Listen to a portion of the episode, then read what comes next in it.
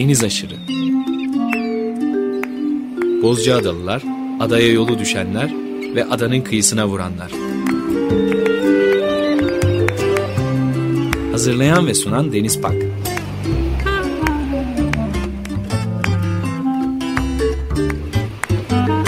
Türkiye için rüzgar enerjisi üreten Demirer Enerji'ye katkılarından dolayı teşekkür ederiz. 94.9 Açık Radyo'da Deniz Aşırı Ortam'dan Bozcaada'dan gerçekleştirdiğimiz yeni bir Deniz Aşırı programıyla daha tekrar birlikteyiz. Bu hafta Türk seramik sanatının önemli isimlerinden belki de simgesi diyebileceğimiz e, Sadi Diren'le bir aradayız. Sadi Bey'in Sulu Bahçe'deki evinden gerçekleştireceğiz bu haftaki programımızı. Hemen tanımayanlar için söyleyelim. Türk seramik sanatının en önemli isimlerinden bir tanesi. Bu konuda öncü olmuş birisi. Genelde program konuklarımızda böyle başlıyoruz. Sizinle de böyle başlayalım. Çok uzun ve çok zor bir hikaye eminim. Kısacasının olmayacağını da çok iyi biliyorum. Ama en köşeli haliyle, en kısaltabildiğiniz haliyle bize bugüne gelişinizi anlatabilir misiniz? Hay hay. Ben 1927 İstanbul doğumluyum. İlk okul, ilk öğretimini o zamanki Fevziye Lisesi yani sonradan Işık Lisesi'nde yaptım. Orta ve lise tahsilimi Saint Michel Fransız Lisesi'nde bitirdim. İki sene hukuka devam ettim. Sonra Güzel Sanatlar Akademisi'ne gittim ve hukuku bırakarak askere gittim. Döndükten sonra akademiye girdim. Orada da iki bölüm değiştirdim. İlk önce kumaş desenlerine gittim. Çok feminin buldum bu kısmı. Sonra iç mimariye girdim. Fakat ben bu değişiklikleri yaparken sınıflar zaten dolmuştu. Hoca bana oğlum sınıflar doldu ki yerimiz kalmadı. Siz nereden çıktınız deyince boş olan seramik atölyesine, öğrenisi olmayan seramik atölyesine girdim. Yani girişim tamamıyla bir tesadüf oldu. Fakat bu mesleği çok sevdim ve akademiyi bitirdikten sonra evlendim 1955 yılında. Eşimle birlikte Almanya'ya gittik ve Almanya'da 10 yıl kaldım. Esas şey tema bu. Evet. e, sanatınızı orada e, yaptınız herhalde. Almanya'da Hayır, ara vermediniz. Gitmemin nedeni de şu oldu. 1953 yılında ben de akademide öğrenciyken yani bitirmemişken e, uluslararası Sanat Eleştirmenleri Kongresi yapıldı İstanbul'da. Bütün dünyadan çok kıymetli, tanınmış e, eleştirmenler gelmişti. Ben e, bir sergi açtım ve bu sergide bütün bu eleştirmenler sergi ziyaret etti ve bu aralarından üç kişi beni sergi açmak için davet etti. Bunların arasından Almanya'da Hans Maria Winkler diye Kokoşka üzerinde çok kıymetli eserler yazan bir e, sanat eleştirmeni beni Almanya'ya davet etti. Biz bu davet üzerine yani hoca olarak beni Offenbach ve Kulturschule yani tatbik güzel sanatlar okuluna hoca olarak davet etti. Fakat sonradan e, bu iş daha e, ulaşamadı bazı olumsuzluklar nedeniyle ve ben Almanya'da e, bu şekilde Almanya'ya gitmiş oldum. Evet. 10 e, yıl kaldınız orada. 10 yıl kaldım. Eşim bir sene daha fazla kaldı çünkü onun kardeşi mühendis mektebinde okuyordu. Bitirmesinde bir sene kalmıştı. Ben dönmeye karar verdim. Bir yıl evvel İstanbul'a geldim ve Eczacıbaşı Seramik Fabrikası'na müdür olarak ve hemen aynı yıl akademide hoca olarak tayin oldum. Özel sektörde ve de e, üniversitede o zaman Güzel Sanatlar Akademisi'ydi iki tarafta da çalışmaya başladım. Evet, akademide seramik bölümüne girdiğiniz zaman galiba tek öğrenciymişsiniz. Tek, iki öğrenci vardı fakat hiç devam etmeyen öğrencilerdi. İki de hocamız vardı. Onlar da öğrenci olmadığı için gel gelmezlerdi. Beni görünce gayet şaşırdılar. Nereden çıktı bu adam diye. Çok... Vedat Ar ve İsmail Hakkı Oygar diye iki hocamız vardı. Evet.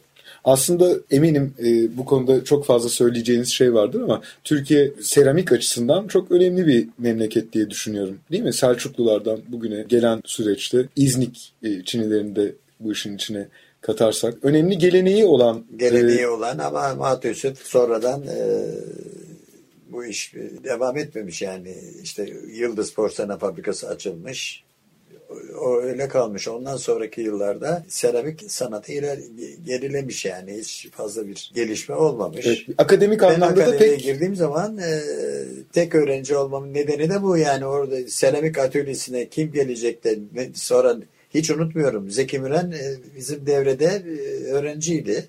Bir gün bana dedi ki sadece mi dedi, ne olacaksın yani hakikaten hiç düşünmemiştim ne olacağımı çünkü orada ne fabrika vardı ne atölye vardı hiç e, tamamıyla boşlukta bir e, meslek. Ama sonradan işte e, Göksu'ya gittim ben. İşte orada tornacılarla tanıştım ve yavaş yavaş e, benden sonra e, birkaç öğrenci atölyeye geldi. Derken ben mezun olduğum zaman aşağı yukarı 20 kişiye yakın öğrenci olmuştu. Çünkü çalışmayan atölyenin birdenbire seramik çıkarması ve parçalar yapması herkesin dikkatini çekmişti. Yani ben öğrencilik sırasında bayağı bir gelişme oldu öğrenci bakımından. evet yani küllerinden doğdu diyebiliriz Evet, belki de evet, e, seramik e, bölümü E, ve bugün herhalde Mimar Sinan Güzel Sanatlar Fakültesi oldu. 1957 Üniversitesi. yılında Tatbik Güzel Sanatlar açıldı. Ondan sonra şimdi birçok üniversitenin hepsinde seramik bölümleri var. Ve çok sevinerek söyleyeyim ki bütün e, üniversitedeki seramik bölümlerinde çalışan, hoca olan, profesör olan benim öğrencilerim. Ve bu bana çok büyük bir mutluluk veriyor. Çünkü her gittiğimiz yerde işte İzmir Üniversitesi'nde olsun, efendim Çanakkale Çanakkale'de olsun, e, nerede olursa olsun Eskişehir'de her tarafta benim öğrencilerim var ve irtibatımız da kesilmedi. Devamlı surette her fırsatta işte telefon ederler, e, e, ziyarete gelirler, beni davet ederler. İşte İzmir'e sempozyuma davet ettiler gittik. Akademiye her yıl birkaç defa davet ederler. Fikrimi sorarlar filan yani. Evet programa gelmeden önce yani buraya gelmeden önce birçok öğrencinizle konuşup geldim. Evet. İşte Müşerref Zeytinoğlu, Sibel Güler, Evet. Şahin Paksoy, Tuncay Akgün hepsi çok e, sitayişle bahsettiler ve bizim için bir hocadan e, ötedir kendisi diye hep tanımlarını koydular. İsterseniz e, hikayeye geri dönelim. Akademiden 82'de neden vazgeçildi? Yani Valla o tamamıyla e, o zamanki e, siyasi şeyin e, oluşumunun bir sonucu oldu. Gayet yanlış buluyorum ben bunu. Çünkü akademi, dünyada akademinin özel bir yeri vardır. Bir üniversite olma hevesine düşüldü. Efendim, e, halbuki akademi, akademi bence üniversiteden çok daha e, üst e, bir şeydir, e, imkandır. Çünkü sanat yapılan yerde mesela Picasso akademisi şey miydi, üniversite mezunu muydu? Yani sanatçının e, üniversiteyle pek yakından uzaktan ilgisi yok. Tamamıyla serbest çalışan insanlar. E, efendim o bakımdan üniversite gibi böyle muayyen e, disiplinlerle yürütülen bir e, eğitimin ya, sanata hiçbir faydası olacağını zannetmiyorum. peki akademiden vazgeçildikten sonra o ruh kayboldu mu sizce? E oldu, oldu. Büyük büyük kısmında oldu. Çünkü e, işte e, asistanlık, doçentlik, profesörlük gibi e, kademeler, on, o kademeler için gereken çalışmalar, e, yani boşuna zaman kaybı oldu bence. Ve ben bunu hiçbir zaman yani bir sanatçının profesör olup olmaması hiç beni e, sevindirmemiştir. Evet. E, keşke olmasaydı. Keşke Evet. olmasaydı yani. Evet. Siz de dahil değil mi? Ben de dahil tabii tabii. tabii. Evet. E, çünkü o sistem içerisinde sizi Evet. o noktaya doğru ittiler Tabii, bir şekilde. Tabii tabii. tabii. Evet. Direkt akademiden hemen Güzel Sanatlar Fakültesine mi geçildi? Hayır. Yoksa başka bir akademide üç şimdi bir, bir- bir şey olduk da eskiden yani akademiyken mimarlık bölümü vardı. Bir de e, Güzel Sanatlar Fakültesi. Ü- ü- Güzel Sanatlar işte o zaman şeydi tabii fakülte makülte değildi. Üniversite olduktan sonra Güzel Sanatlar Fakültesi, Mimarlık Fakültesi ve de e, Sosyal Bilimler Fakültesi oldu. Üç, üç bölüm oldu. Üç fakülte oldu. Efendim e, ve ondan sonra tam böyle üniversite sisteminin içine girdik. Ve bu dediğim gibi hiçbir zaman e, sanat bakımından e, olumlu bir sonuç verdiğini hiç zannetmiyorum. Hiç zannetmiyorum. Ama tabii bir şekilde sanat e, insanların içinde kalmıyor. Bunu yapabilecek nitelikteki kişiler, sanatçı adayları bir şekilde aldıkları daha vasat da olsa eğitim bir şekilde Hayır, hayır, yeşertiyorlar. ben buna iştirak etmiyorum. Etmiyor musunuz? Hayır. Çünkü üniversite imtihanları denen bu sistem tamamıyla e, sanatla ilgisi olmayan sistemdir. Yani oraya gelen öğrenci efendim e, sanatla ilgisi olduğundan dolayı değil. İşte bir üniversiteye girmek için, üniversiteye girmek için. Hmm. Bir üniversite tutturamamışsa ona, değilse öbürüne e, giriyor. Halbuki eskiden e, aday öğrenciler imtihanlardan geçirilirdi. Özel mülakatlar yapılırdı. Yani o çocuğun sanatla olan ilişkisi, ilgisi, e, kabiliyeti ölçülerek alınır. Halbuki bu e, üniversite sisteminde böyle bir şey Evet. yani e, herkes gibi şey oldu yani E, sanata uygun olan insanlar değil e, olan olmayan Evet. girdi. Evet. Gene de bir e, şey var galiba. E, özel yetenek sınavı yapılıyor. Var var sanırım. tabii tabii yapılıyor yapılıyor ama dediğim gibi işte üniversite sistemine uygun bir şey yapılıyor Evet. ki bunun sanatla hiç ilgisi yok. Ne yakından ne uzaktan hiç ilgisi yok yani. O dönemin akademisinde okuyan kişiler hep biz akademiliyiz diye Evet, övünerek, evet. iftiharla e, söylerler. Aradaki farkı da sizden bir şekilde e, dinleyebilmiş olduk. Şimdi bakın usta çırak usulüydü eskiden. İşte Bedir Rahmi Atölyesi, Nurullah Berk Atölyesi, Cemal Tollu Atölyesi. Yani bunlar atölyeler öğrenci hoca değil de çırak usta usulüyle ki ben e, 30 küsur sene hocalık yaptım. Hep çırak us- usta usulüyle gittik. Yani e, üniversite olmamıza rağmen bizim seramik atölyesi her zaman usta çırak ve de abi kardeş şeyiyle gittik. Yani bu üniversite şeyinden mümkün olduğu kadar e, Uzak durmaya uzak çalıştık. durmaya çalıştık. Evet. Her ne kadar olduysa ya bilemiyorum. Evet. Evet. E, tabii belli bir zaman içinde çocukların yetişmesi de gerekiyor. Evet. E, o yüzden elinizden geldiğini e, yaptınız. Ortada bir öğretmenin, bir öğreticinin yıllar sonra e, öğrencileriyle karşılaştığı zaman onların ona karşı olan ifadesi her şeyin e, her şeyi anlatıyor zaten bir şekilde. E, ben öyle olduğunu görüyorum. E, siz e, Güzel Sanatlar Fakültesi olduktan sonra uzun zaman o fakülteyi yönettiğinizi de biliyorum. Evet. Değil mi? Dekanlık yaptınız e, o fakültede. Yani çok sevmediğiniz bir durum olduğunun farkındayım. Ama e, o okulu e, bir şekilde yönettiniz. Hatta e, öğrencileriniz hep şeyi anlatır. Seramik bölümünde e, hiç umulmadık alanlar yarattı. İnanılmaz e, mekanlar yarattı öğrencileri için. Olmayan bir şeyi orada e, yaşarttı. Ve birçok e, işler ortaya çıktı diye anlatırlar. Şimdi esasında birçok arkadaşımız ve yakın e, dostlarımız sen deli misin ne ilgin var yani idarecilik başka şey sanatçılık başka şey dedi.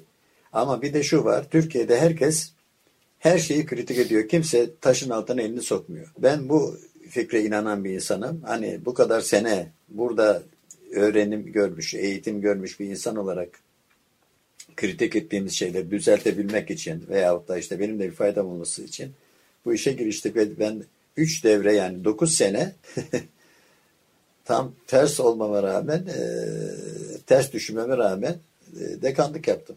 Hem de o zaman YÖK zamanıydı. YÖK'le de epeyce kapıştık.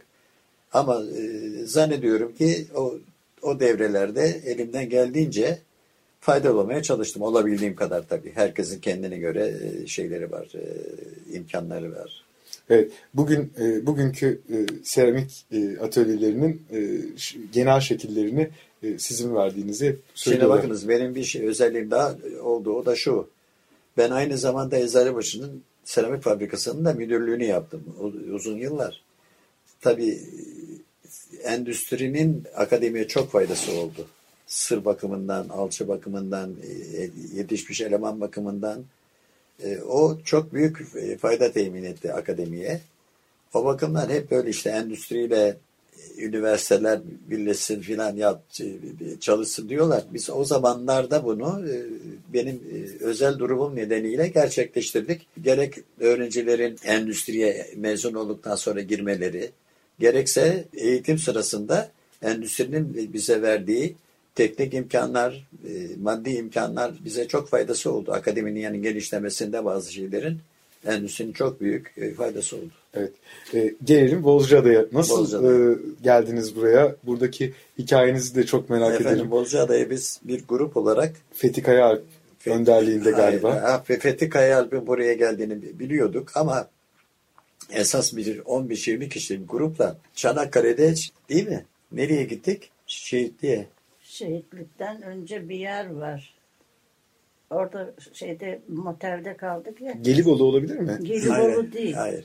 Abide Enes. Abide, neresi? abide. Abide. Abi. Sedülbahir diyeceğim. Değil. Hayır hayır hayır. Ay, abide diye bir yer var. Değil mi? Evet. Yer olarak abide. Hı. Ee, oranın adını hatırlayamadım. Orada bizim bir dostumuzun şeyi vardı, pansiyonu vardı. Biz oraya gittik. Şehitliklerin olduğu yer işte, bir bilemiyorum ismini şimdi. Orada 10 gün kadar falan kaldık. Sonra bir arkadaş dedi ki ya dedi bu e, işte göreceğimiz burada bu kadar. Ben Bozcaada'ya gitmiştim. Bozcaada'ya da gidelim dedi. Biz grup olarak Bozcaada'ya e, geldik. Kaç yılında? 1971 gelirken motorda Allah rahmet eylesin e, Neşet Günal hocaya rastladık. Dedi ki ben evimi satıyorum adada dedi. Sulu Siz dedi Bahçe'de. de oraya gidin. E, arkadaşlar var işte Gündüz Gökçe, Altan, Özdemir Altan e, filan diye. Biz onları ziyarete geldik ve orada Neşet'in Neşet'in sattığı evi gördük. Ve çok beğendik adayı ve karar verdik ad, e, evi almaya ve evi aldık. Neşet Bey'in evini siz Evini aldınız. Satın aldık. güzel. Ve tabii o zaman çalıştığım için ben e, senede 10 gün, 15 gün filan gelmeye başladık. E, emekli olduktan sonra işte şimdi 4 ay, 5 ay, 6 ay kalıyor- kalıyoruz. Ben e, o eski evde bir küçük atölye gibi bir yer yaptım. İşte orada seramikler de yapıyordum filan. Evet. Çok primitif odun ateşinde seramik yaptığınızı biliyorum mesela. O şeyde İstanbul'da ilk Göksu atölyelerinde onların çömlek, çömlekhane olduğu için e, odun ateşiyle e, seramik pişiriliyordu. Orada burada tabii elektrikli küçük bir fırınım var. Burada e, çok enteresan ben Ankara'da bir sergi açmıştım. Yani o, göreceksiniz o katalogda birçok sergiler işte Ankara'da açtığım sergilerin birine dış işleri dış ilişkiler genel müdürlüğünden bir zat işte genel müdür ziyaret etmiş. O sırada da Avrupa Konseyi binası yapılıyormuş. Türkiye'nin hediyesi olarak bu binanın seramiklerini benim yapmamı istemiş. Beni Ankara'ya davet ettiler. Ben Ankara'ya gittim. Orada konuştum beyle. Ondan sonra dedi ki bir eskis yapınız filan. Eskisi ben burada yaptım. Yani şöyle büyük bir e, tahta üzerinde topraktan rölyefli yapacağım eseri yaptım. Onun fotoğrafını çektik. Hem de gün ışığın şeyinde, gün batımında da aynı bu saatlerdeki gibi.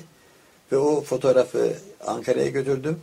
Fotoğraf çok beğenildi ve ben e, Avrupa Konseyi binasının şeyini, e, seramikini bana verdiler şeyi, siparişi.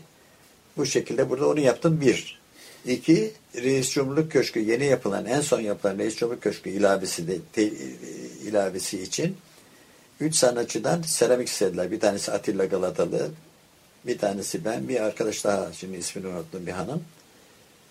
Onun da fonunu yani bir ana motif var, onun fonu var. Yani duvarın diğer kısmı 17 bin parçayı burada yaptım. Bozcaada'da da E, yaptınız. Bozcaada'da. Müthiş. Yani onlar da şöyleydi. 1 santim, 2 santim, 3 santim, 4 santim ve 5 santim yuvarlaklar. Onları burada her gün yapa yapa efendim pişirdik, götürdük. Ee, ana motifin etrafını bunu yaptım. Yani Bozcaada'da onun dışında e, açacağım sergilerin eskislerini burada yaptım. Küçük çamurdan heykelcikler filan. E, o şekilde Bozcaada bana şey oldu. E, bir ilham kaynağı oldu. Çünkü burası gayet sakin bir yer. E, düşün, rahat rahat düşünebilirsiniz. E, Ve bütün vaktinizi yaratmak istediğiniz Evet, işe evet, ayırabilirsiniz. evet, evet, evet, Önünüzde deniz hemen. Evet, evet, Ee, evet, evet, evet, müthiş bir denizde Evet, e, haşır neşir oluyorsunuz. Denizde çok haşır neşir miydiniz? Yani gider miydiniz balığa? Dalma var mıydı Yok, mesela? yok onlar e, pek olmadı. Yani pek ilgi belki de yaş dolayısıyla. Çünkü e, e, ben bu sanatçı grubun arasında en yaşlardan biriyim. Diğerleri maşallah güçlü kuvvetli. Efendim işte kayaya motoru taktım, motoru indirdim. Ay lodos oldu, e, sandalı çek filan. Onları ben pek gelecek gibi değilim. Balık tutmak yerine balık almayı tercih ettim. Cüzdan balığı değil mi? Öyle e. Evet. Ama bir de anladığım kadarıyla daha yoğunca işlerinizle de ilgilenebilme imkanı bulmuşsunuz. Fırınınızda bütün bu işleri Tabii, hazırlamak tabii, çok tabii, ciddi tabii, bir tabii. zaman alıyor olsa gerek. Ben her gün her gün saat bir civarında öğlen birden akşam 5'e 6'ya kadar her gün gider e, atölyede çalışırım. Yani atölye, atölye dediğim küçük bir yer ama şunu belirtmek isterim. En ufak parçada parçaya dahi büyük bir hürmetle hürmet ederim parçaya. Yani parçanın küçüğü büyüğü yok. Çok büyük itinayla, büyük bir sevgiyle yani onu okşayaraktan efendim e, o an ondan birlikte olaraktan hakikaten e, hayatımın en mesut anları. Hani bazen derler kaç yaşındasın? Ben çok genç kaldım. Çünkü hep o çalıştığım anlar kadar yaşadım. E, benim hayatta en çok sevdiğim şey bu oldu. İşle birli, birleştiğin an yani ne diyeyim size? İçselleştirdiğiniz an. Evet, evet, evet, evet. E, Zaten her halinizden, bütün ifadenizden işinizle yaşadığınız bütünlük e, ortada gerçekten. Yani 71 e, yılında Bozcaada'ya geldikten sonra adayı nasıl buldunuz? Bugüne gelen süreci nasıl değerlendirirsiniz? Valla ada tabii bizim geldiğimiz zaman su yoktu, elektrik yoktu. Biz yıllarca e, aygaz buzdolabı ile, Tabii. efendim tüplerle herkes birer kuyu açtı. Fakat inanın çok daha güzeldi. Ne anahtar vardı, ne kilit vardı, ne kapı vardı. Her taraf açık efendim. E, bomboş ada. Yani bu yedi evler yapıldığı zaman burada hiçbir şey yoktu. Hiçbir şey yoktu yani. E, ondan sonra işte 8 evler yapıldı derken 22 evler yapıldı derken işte burası bayağı e, şey oldu. E, Fakat bahsettiğiniz bütün bu evler doğa ortasında kaybolmuş evler. Evet evet. Tabii. E, Bugüne kadar bugüne kadar gelen insanlar hepsi e, meslek sahibi, güzel sanatlarla ilgisi olan insanlar. Diyelim ki bundan sonra gelecekler de böyle olsun. Çünkü herkes her gelen e, gerek bağcılığı öldürmemeye, ağaç dikmeye, efendim burayı güzelleştirmek için elinden gelen imkanı sarf etti. Ama bundan sonra inşallah inşallah bu devam eder. Çünkü bağcılık gördüğüme göre bazı nedenlerle işte bu e, fiyatların çok yüksek olması, vergilerin çok yüksek olması, şarapçılık falan gayet zor durumlara Üzümün de daha az para etmesi. Evet yani, Değil mi? Evet. ya, e, çünkü bu üzümcülük, e, bağcılık çok zor bir iş ve çok pahalı bir iş. Yani bir yılda 10 küsür defa bağ bakılıyor. Çok meşakkatli bir çok iş. meşakkatli bir iş. O bakımdan e, bütün bu meşakkatın karşılığını almayı karşılığını almayı bırakın üstüne para veriliyor. Yani bu ancak bir sevgiyle olabilecek şeyler. Ve İstanbul'dan gelen birçok arkadaşımız burada büyük bağlar aldı. İşte bir tanesi Necati e, İnceoğlu, burada Kamil e, Soğul e, Evet. gibi büyük araziler alıp canla başla çalışan insanlar var. Evet, bilfiil kendileri çalışıyor Evet, insanlar. evet, evet, evet. Bu çünkü bir hayat şekli gerçekten. Evet. Yani yaşam modeli olarak Evet, insanlar yani teknecilik gibi, evet, evet. denizcilik gibi, e, bağcılık, kendi ev şarabını yapmanın lezzeti Evet. gerçekten bambaşka. Siz e, yaptınız mı mesela şarapla uğraştınız hayır, mı hayır. hiç? Komşular eksik olmasaydı. Ya, oradan Kamil Bey, Necati Bey, Mine Hanım onlar kendileri bize de biraz ikram. Çok hoş gerçekten. İsterseniz bir müzik arası verelim. Ardından sohbetimize Aynen, kaldığımız aynen, yerden aynen. e, devam edelim. Sizin için birkaç parça e, seçmiştim. Şimdi onlardan bir tanesini dinleyelim. Sultan Abdülaziz'in bir bestesini dinleyelim. Aynı zamanda marangoz olan, elinden birçok evet. e, iş gelen bir Osmanlı padişahıydı e, Sultan Abdülaziz. Emre Aracı ve Emre Cihat. Aşkın birlikte Londra'da e, bir orkestra ile birlikte çok hoş bir Osmanlı müziği antolojisi çıkardılar diyebilir miyim bilmiyorum ama sanıyorum diyebiliriz bunu. E, çok güzel bir e, çalışma yapmışlar. Aziziye e, marşı isterseniz dinleyelim. Emre Aracı'yla da galiba bir tanışıklığınız evet, eşim e, onun babasıyla ortaklık yaptı uzun yıllar değil mi? Evet. Evet. E, sohbetimize oldukça e, uygun geleceğini düşünüyorum. E, böyle bir tesadüf olduğu için de ayrıca e, mutlu oldum. Aziziye Marşı e, dinleyelim isterseniz. 94.9 Açık Radyo'da Deniz Aşırı programında Sultan Abdülaziz'in Aziziye Marşı'nı dinledik. Emre Aracı ve Cihat Aşkın önderliğindeki orkestradan dinledik. Program konuğumuz Türk seramik sanatının en önemli isimlerinden Sadi Diren ile sohbetimize ve müzik dinlemeye de kaldığımız yerden e, devam edeceğiz. E, sizin hem kişisel hikayenizi dinleyicilerimizle paylaşabildik. Bir miktarını tabii paylaşabildik. Kim bilir onlar arasında ne parantezler açıp onların arasında kaybolabilirdik. Hem de Bozcaada ile ilgili geliş hikayenizi bir şekilde dinleyebildik. Bugüne kadar da aşağı yukarı geldik. Sadece seramik mi çalıştınız mesela? Heykel çalıştınız mı? E, resimle ilgilendiniz mi? Şimdi efendim zaten seramik hem resim kurallarına hem de heykel kurallarına uyan bir e, yani mecburen içinde olan bir şey. Hem yüzeysel hem hacimsel e, bir e, meslek. O bakımdan seramik dolayısıyla bunlarla ilgilendim. Yani resim ayrıca resim yaparak yahut ayrıca heykel yaparak değil, seramik yaparak bunların efendim bu kurallara uygun işler yapmaya çalıştım. Ma teessüf, ma teessüf diyeyim. Türkiye'de gerek gidiş gelişin, gerek e, sergileri iştirak etmenin, gerekse sergilerin Türkiye'ye gelmesinin zor olduğu yıllar tabii başlangıçta böyleydi benim gençliğimde. Evet. Bir kopyacılık hikayesi var. Yani işte bilmem ne akımının abstre bilmem ne e, çok kopya yapılmış bir e, saha şey e, Türk e, sanatı resmiyle, heykeliyle, müziğiyle, müziğiyle her şeyle. her şeyle. Onun için mümkün olduğu kadar, mümkün olduğu kadar ki ben gerek Almanya'da kaldım 10 yıl zarfında, gerekse Türkiye'ye döndükten sonra ben aşağı yukarı 30'a yakın memleket dolaştım. Buraların müzelerini, sergilerini, sempozyumlarını, konferanslarına iştirak ettim.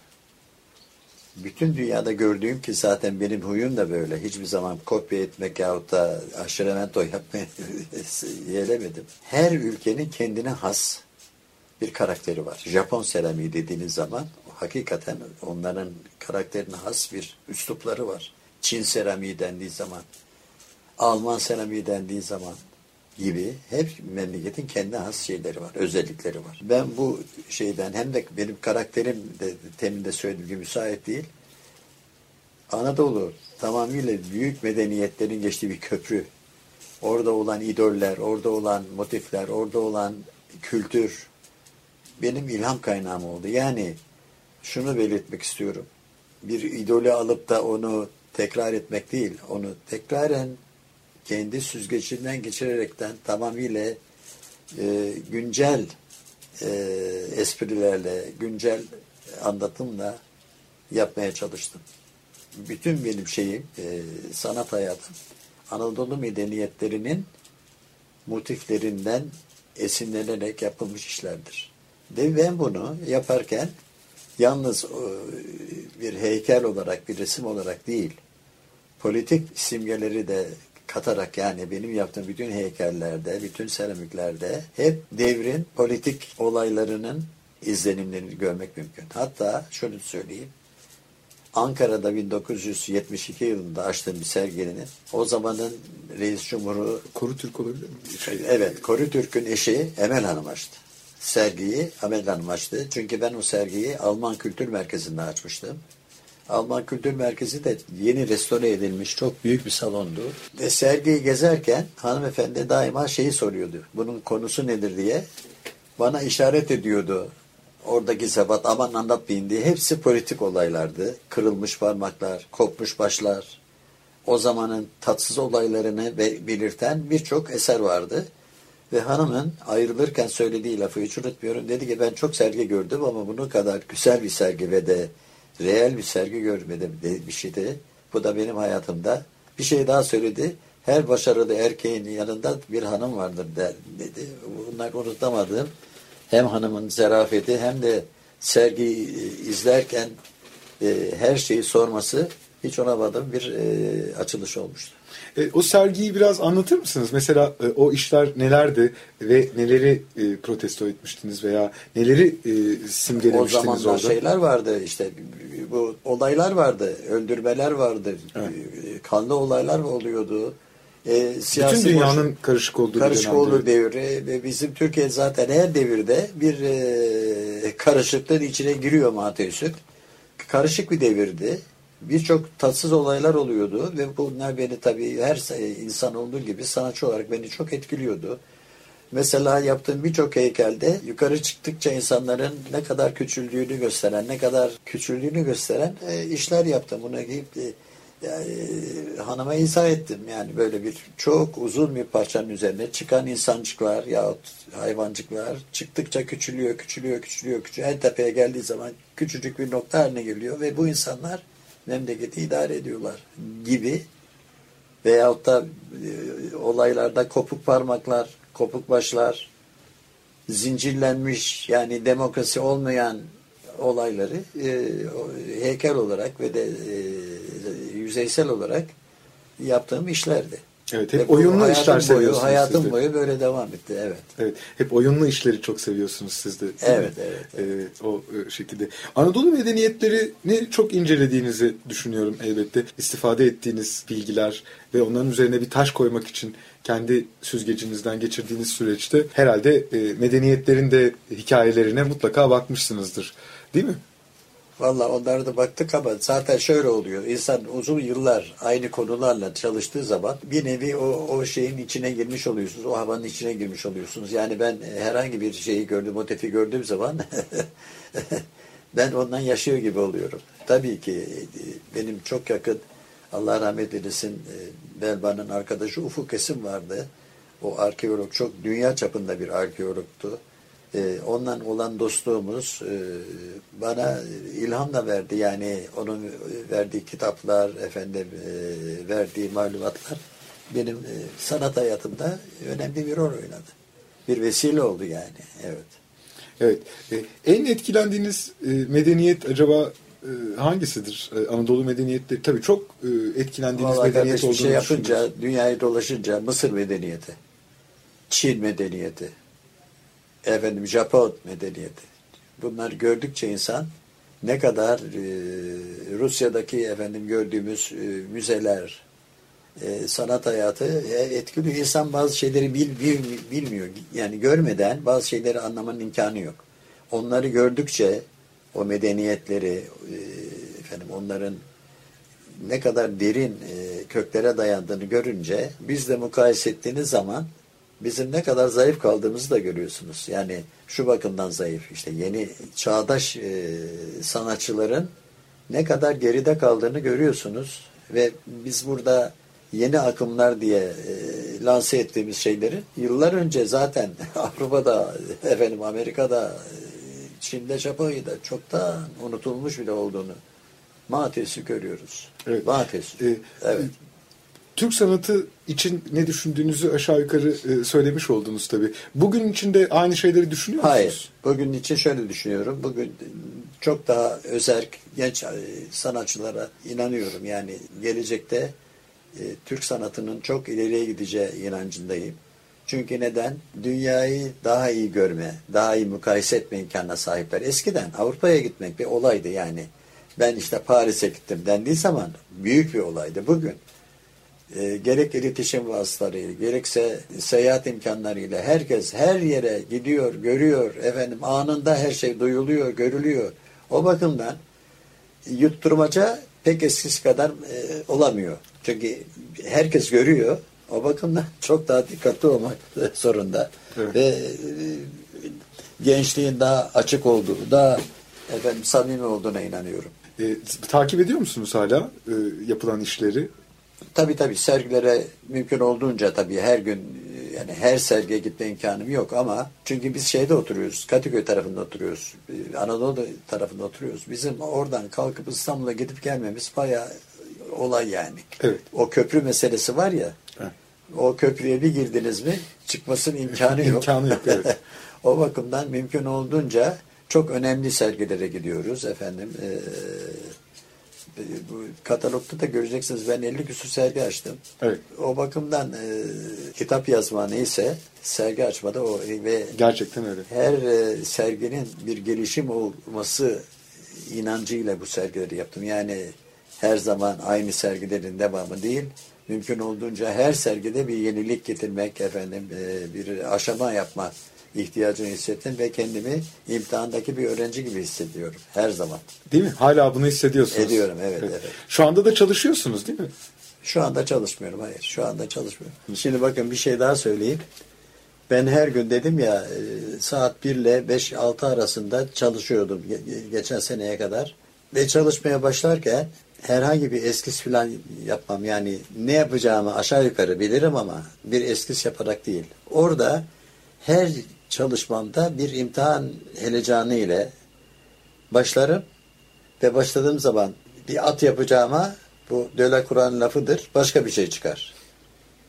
O şeyi e, ertesi günü başka bir konuya devamlı konu değiştirerekten tabii bir ana tema olur ama konu değiştirerekten e, onun helecanını ve üzüntüsünü yani çocuk doğurmak gibi dokuz doğru dediler ya her defasında bir imtihan gibi şey yapar yani yorulurum yorulurum yani şeyden sonra e, çalışmadan sonra yorgun olarak dönerim eve. Tamamen kendinizi vererek. Evet e, çünkü her her defasında ayrı bir şey yapmaya gayret ederim. Yapabildiğim kadar tabii bu her gün her gün yeni bir şey olamaz ama muayyen bir tema işte dediğim gibi e, temalar politik olduğu için zaten her gün bir politik olay olduğu için tema bulmak o kadar zor değil ama o temayı işlemek çok zor.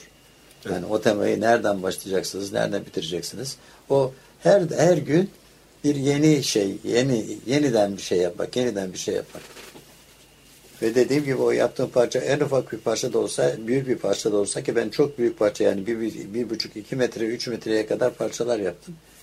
En ufağından en büyüğüne kadar hakikaten hürmet duyarım şeye, çamura ve çamurun zerresini kaybetmeye üzülürüm yeniden evet. kuruturum, yeniden ıslatırım falan yani. Çamurunuzu nereden e, kullanıyorsunuz? Göksu'dan. Göksu'dan. Göksu'dan kullanıyorsunuz. E, şey, Bozcaada'dan herhangi bir kil e, çalışması, e, killi toprak, Hayır, çamur. valla var burada herhalde ama e, ben gelirken e, Göksu'dan çünkü benim e, öğrencilik yıllarında akademiye girdiğim zaman dedim ya iki tane hoca vardı. Fakat bu hocalar torna bilmezlerdi. Ben tornayı öğrenmek için e, Göksu'da çömlekçiler vardı. Beş kardeş. Bu beş kardeşin Hasan Usta e, abileri onun yanında e, torneyi öğrendim. Ondan sonra efendim e, Almanya gitmeden evvel yani öğrenci yıllarımda o Göksu'daki e, çömlekhanenin üst katında tavan arasında bir yer verdiler bana. Ben orada 2-3 sene çalıştım. O bakımdan e, torna benim için çok mühim bir imkan yani. Tornada e, şekillendirme, serbest şekillendirme ama torna ile birlikte çalışmam e, çok e, etkin oldu benim için. Evet. E, Göksu'dan kastımız Göksu Deresi'nin olduğu yer değil Göksu mi? Göksu Deresi'nin olduğu yer evet. Evet. E, Anadolu Hisarı'nın. Anadolu Hisarı evet. Evet orada. E, orada toprak nerede çıkıyor? Valla onlar çeşitli yerlerden getiriyorlar. Yani muhtelif Türkiye'nin muhtelif, muhtelif yerlerinden getiriyor evet. evet. Ha, e, oradan karışım yapılıyor onlar Hı. işte o çamurlar burada filan. Ben de Göksu Deresi'nde bir kaynak hayır, mı var hayır, diye Hayır, hayır, hayır. hayır. Yani, e, Hasan Usta bir aynı zamanda Füreya Hanım'ın, Füreya Koral'ın işte bir sürü sanatla ilgili ne kadar seramikle ilgili hoca varsa ressam, heykeltıraş bütün e, bu insanlar e, Göksu Atölyesi'ne muhakkak uğramışlardır. Hasan Usta'yla efendim e, çalışmışlardır yani. Evet. sizin hayatınızda da çok önemli çok, çok önemli. rolleri evet, olmuş evet. anladığım kadarıyla. Ben girdiğim zaman akademiye dediğim gibi öğrenci olmadığı için iki hoca da torna bilmiyorlardı ve Ondik Usta diye bir Ermeni usta varmış. O da vefat etmiş. Ve ondan sonra da zaten e, e, öğrenci de olmadığı için atölye öyle. işte iki hocalı bir atölye. Evet. Peki öğrenciliğinizi siz tek başınıza mı sürdürdünüz? Birinci yıl öyle. ikinci yıl e, birkaç kişi geldi. E, ben işte mezun olduğum zaman 20'ye yakın öğrenci vardı. Evet. Ve sonra artarak devam etti. Evet, evet. Zaten Bugün siz de şimdi 125-130 kişi öğrenci var. Evet. Evet. Ve sürekli e, çalışmaya, e, yaşamaya devam ediyor. Evet. Okula gidiyor musunuz hala? İstanbul'da Valla beni e, davet bir... ediyorlar. E, ben emekli olduktan sonra birçok arkadaşım emekli olan arkadaşlar e, çeşitli üniversitelerde e, ders veriyorlar. Ben de bir ara e, Yeditepe Üniversitesi'ne de beni davet ettiler. İşte ben Aloş Germaner ve birkaç arkadaş orada ders vermek için gittim ama beni tatmin etmedi. Akademiden sonra beni tatmin etmedi ve ben devam etmedim. Ama birçok arkadaş çeşitli üniversitelerde e, ders veriyorlar. Ben devam etmek istemedim. Sebebi de şu, her şeyin bir devri var. Yani insan gençliğinde ne kadar canla, başla, hırsla çalışıyor. Yaşlanmış insanların e, şeyini ben öğrencilere geçirmek istemedim. Yeni yetişen nesiller var. O yeni yeni yetişen nesillerin önü açılsın. Yeni genç insanlar girsin. Yani aynı hocalar bilmem kaç sene olmuş hala o üniversitede bu üniversite diye ben bunu hiç tasvip etmiyorum. Ama size birisi sorarsa elbette her zaman yol gösterirsiniz değil mi? Yol gösteririm o ayrı ama böyle e, bu özel üniversitelerde efendim e, bilmiyorum muayyen yaştan sonra 67 yaşından sonra yani sanatın yaşı yoktur. Yani sanatçının yaşı yoktur. O ayrı. O kendi özel hayatında yapabilir ama gidip de e, hala üniversite çünkü yönetmelikler değişiyor, bilmem neler değişiyor. E, yeni imkanlardan e, e, yararlanan e, yeni nesiller var. Şimdi bizim nesilde şey mi vardı? Bilgisayar mı vardı? Yeni çocuklar, çocuklar bile değil mi? Bu evet. teknik imkanlardan yararlanıyorlar. Her şey o kadar gelişiyor ki bizim yaşımızdaki insanların bunları takip etmesi imkansız. Yani olsa bile e, asgari onun için bizim yaşımızdaki insanların böyle üniversite ders vermesini ben katiyen tasvip etmiyorum. Zaten yaptıklarınız birçok öğrencinin, birçok akademisyenin, birçok öğreticinin e şey olmuş da o, o öğrenciler devam ediyor, devam Tabii. ediyor, devam ediyor. Bir hocanın yapacağı da budur yani. Ee, yeni bir çalışma yapmayı planlıyor musunuz? Bir sergi yapmayı mesela veya önümüzdeki yaz adaya geldiğiniz zaman çalışmayı? Valla şimdi bir sergi imkanı var zannediyorum bu yıl. E, katıyı bilmiyorum ama gene bu retrospektif sergisi olacak. Yani ben çünkü bu son yıl bir e, kırık geçirdim. E, kalça kemiğim kırıldı. E, platin filan taktılar. Onun için eskisi gibi tornada e, veya yani ee, seramik çok ağır bir iş. Yani ben iş, bütün işte ben kendim yaparım. Yani çavur hazırlamasından tutun tornası bilmem nesi. Ee, onun için e, artık e, ara verdim yani. Ara verdim. Bu sene hiçbir şey yapmadım evet.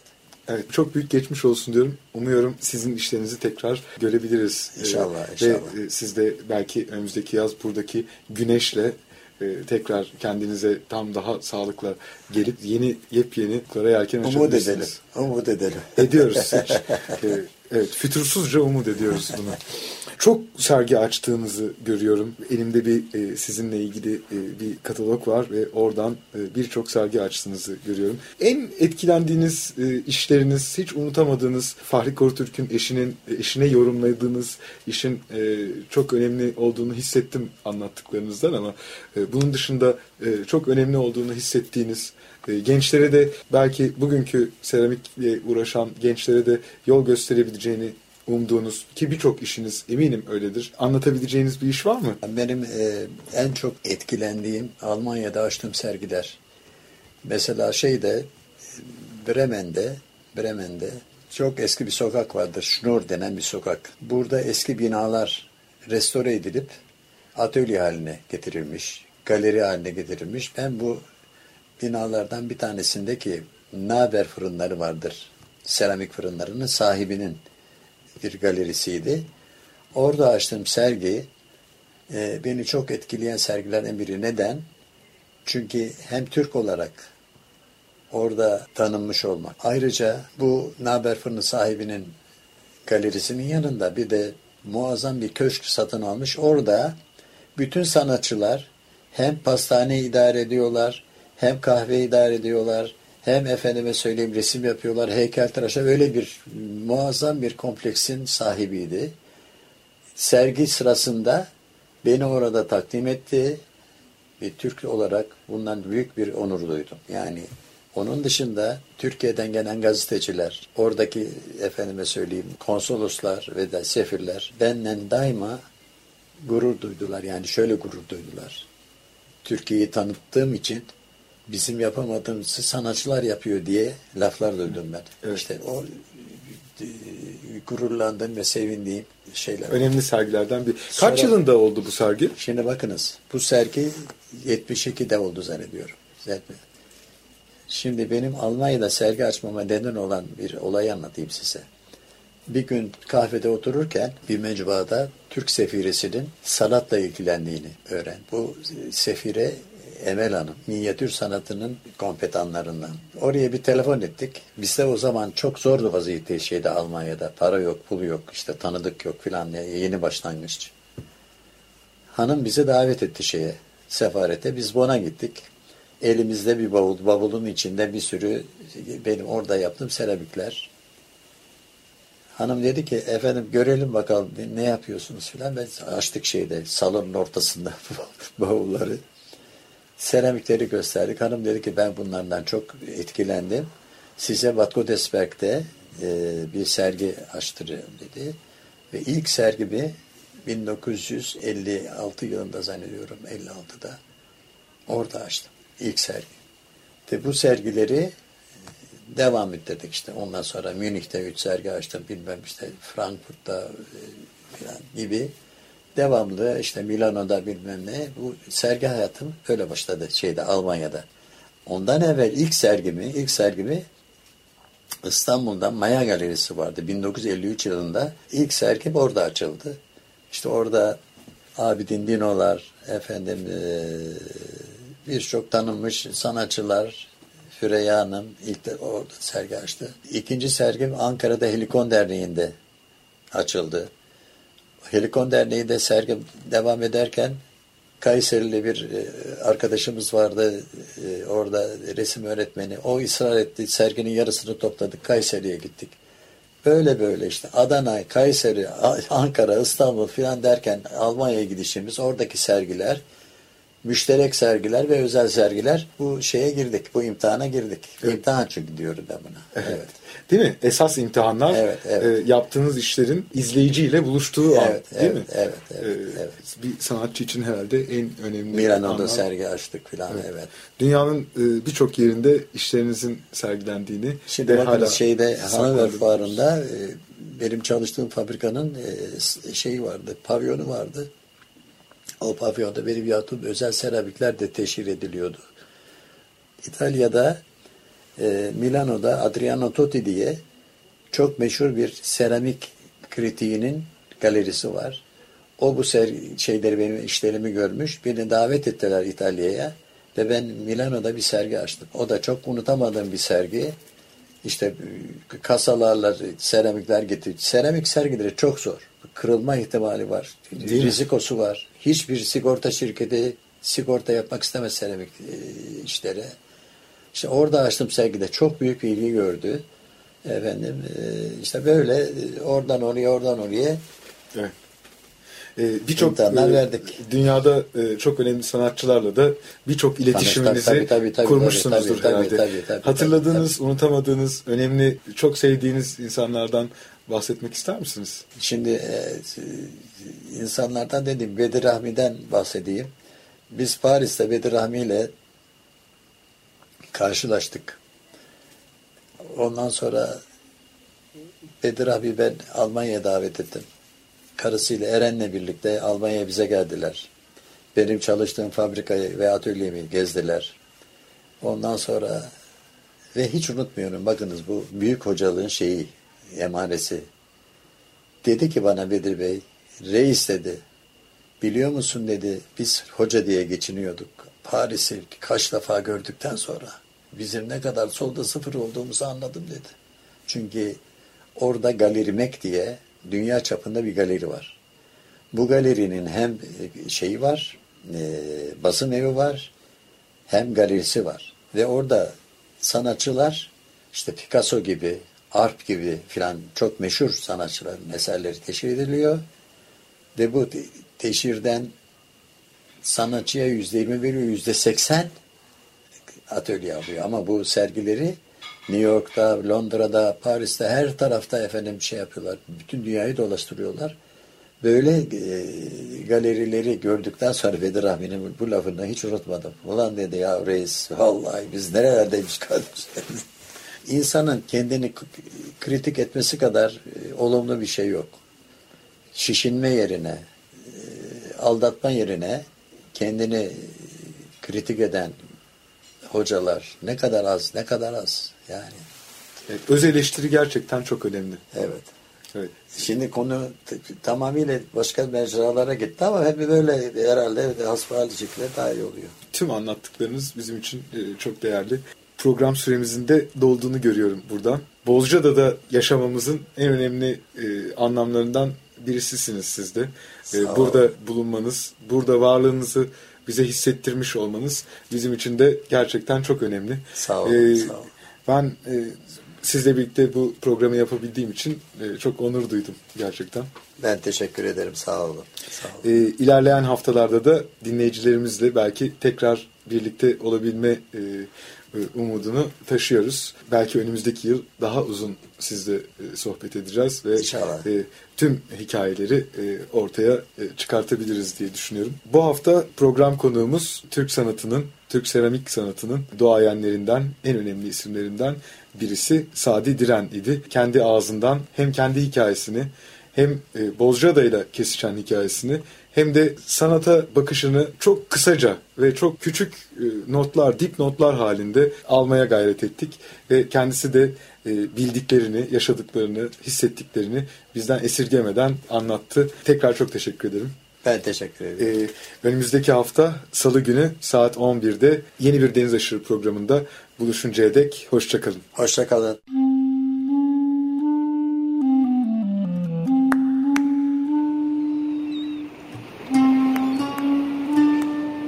Deniz aşırı. Bozcaadalılar, adaya yolu düşenler ve adanın kıyısına vuranlar. Hazırlayan ve sunan Deniz Pak.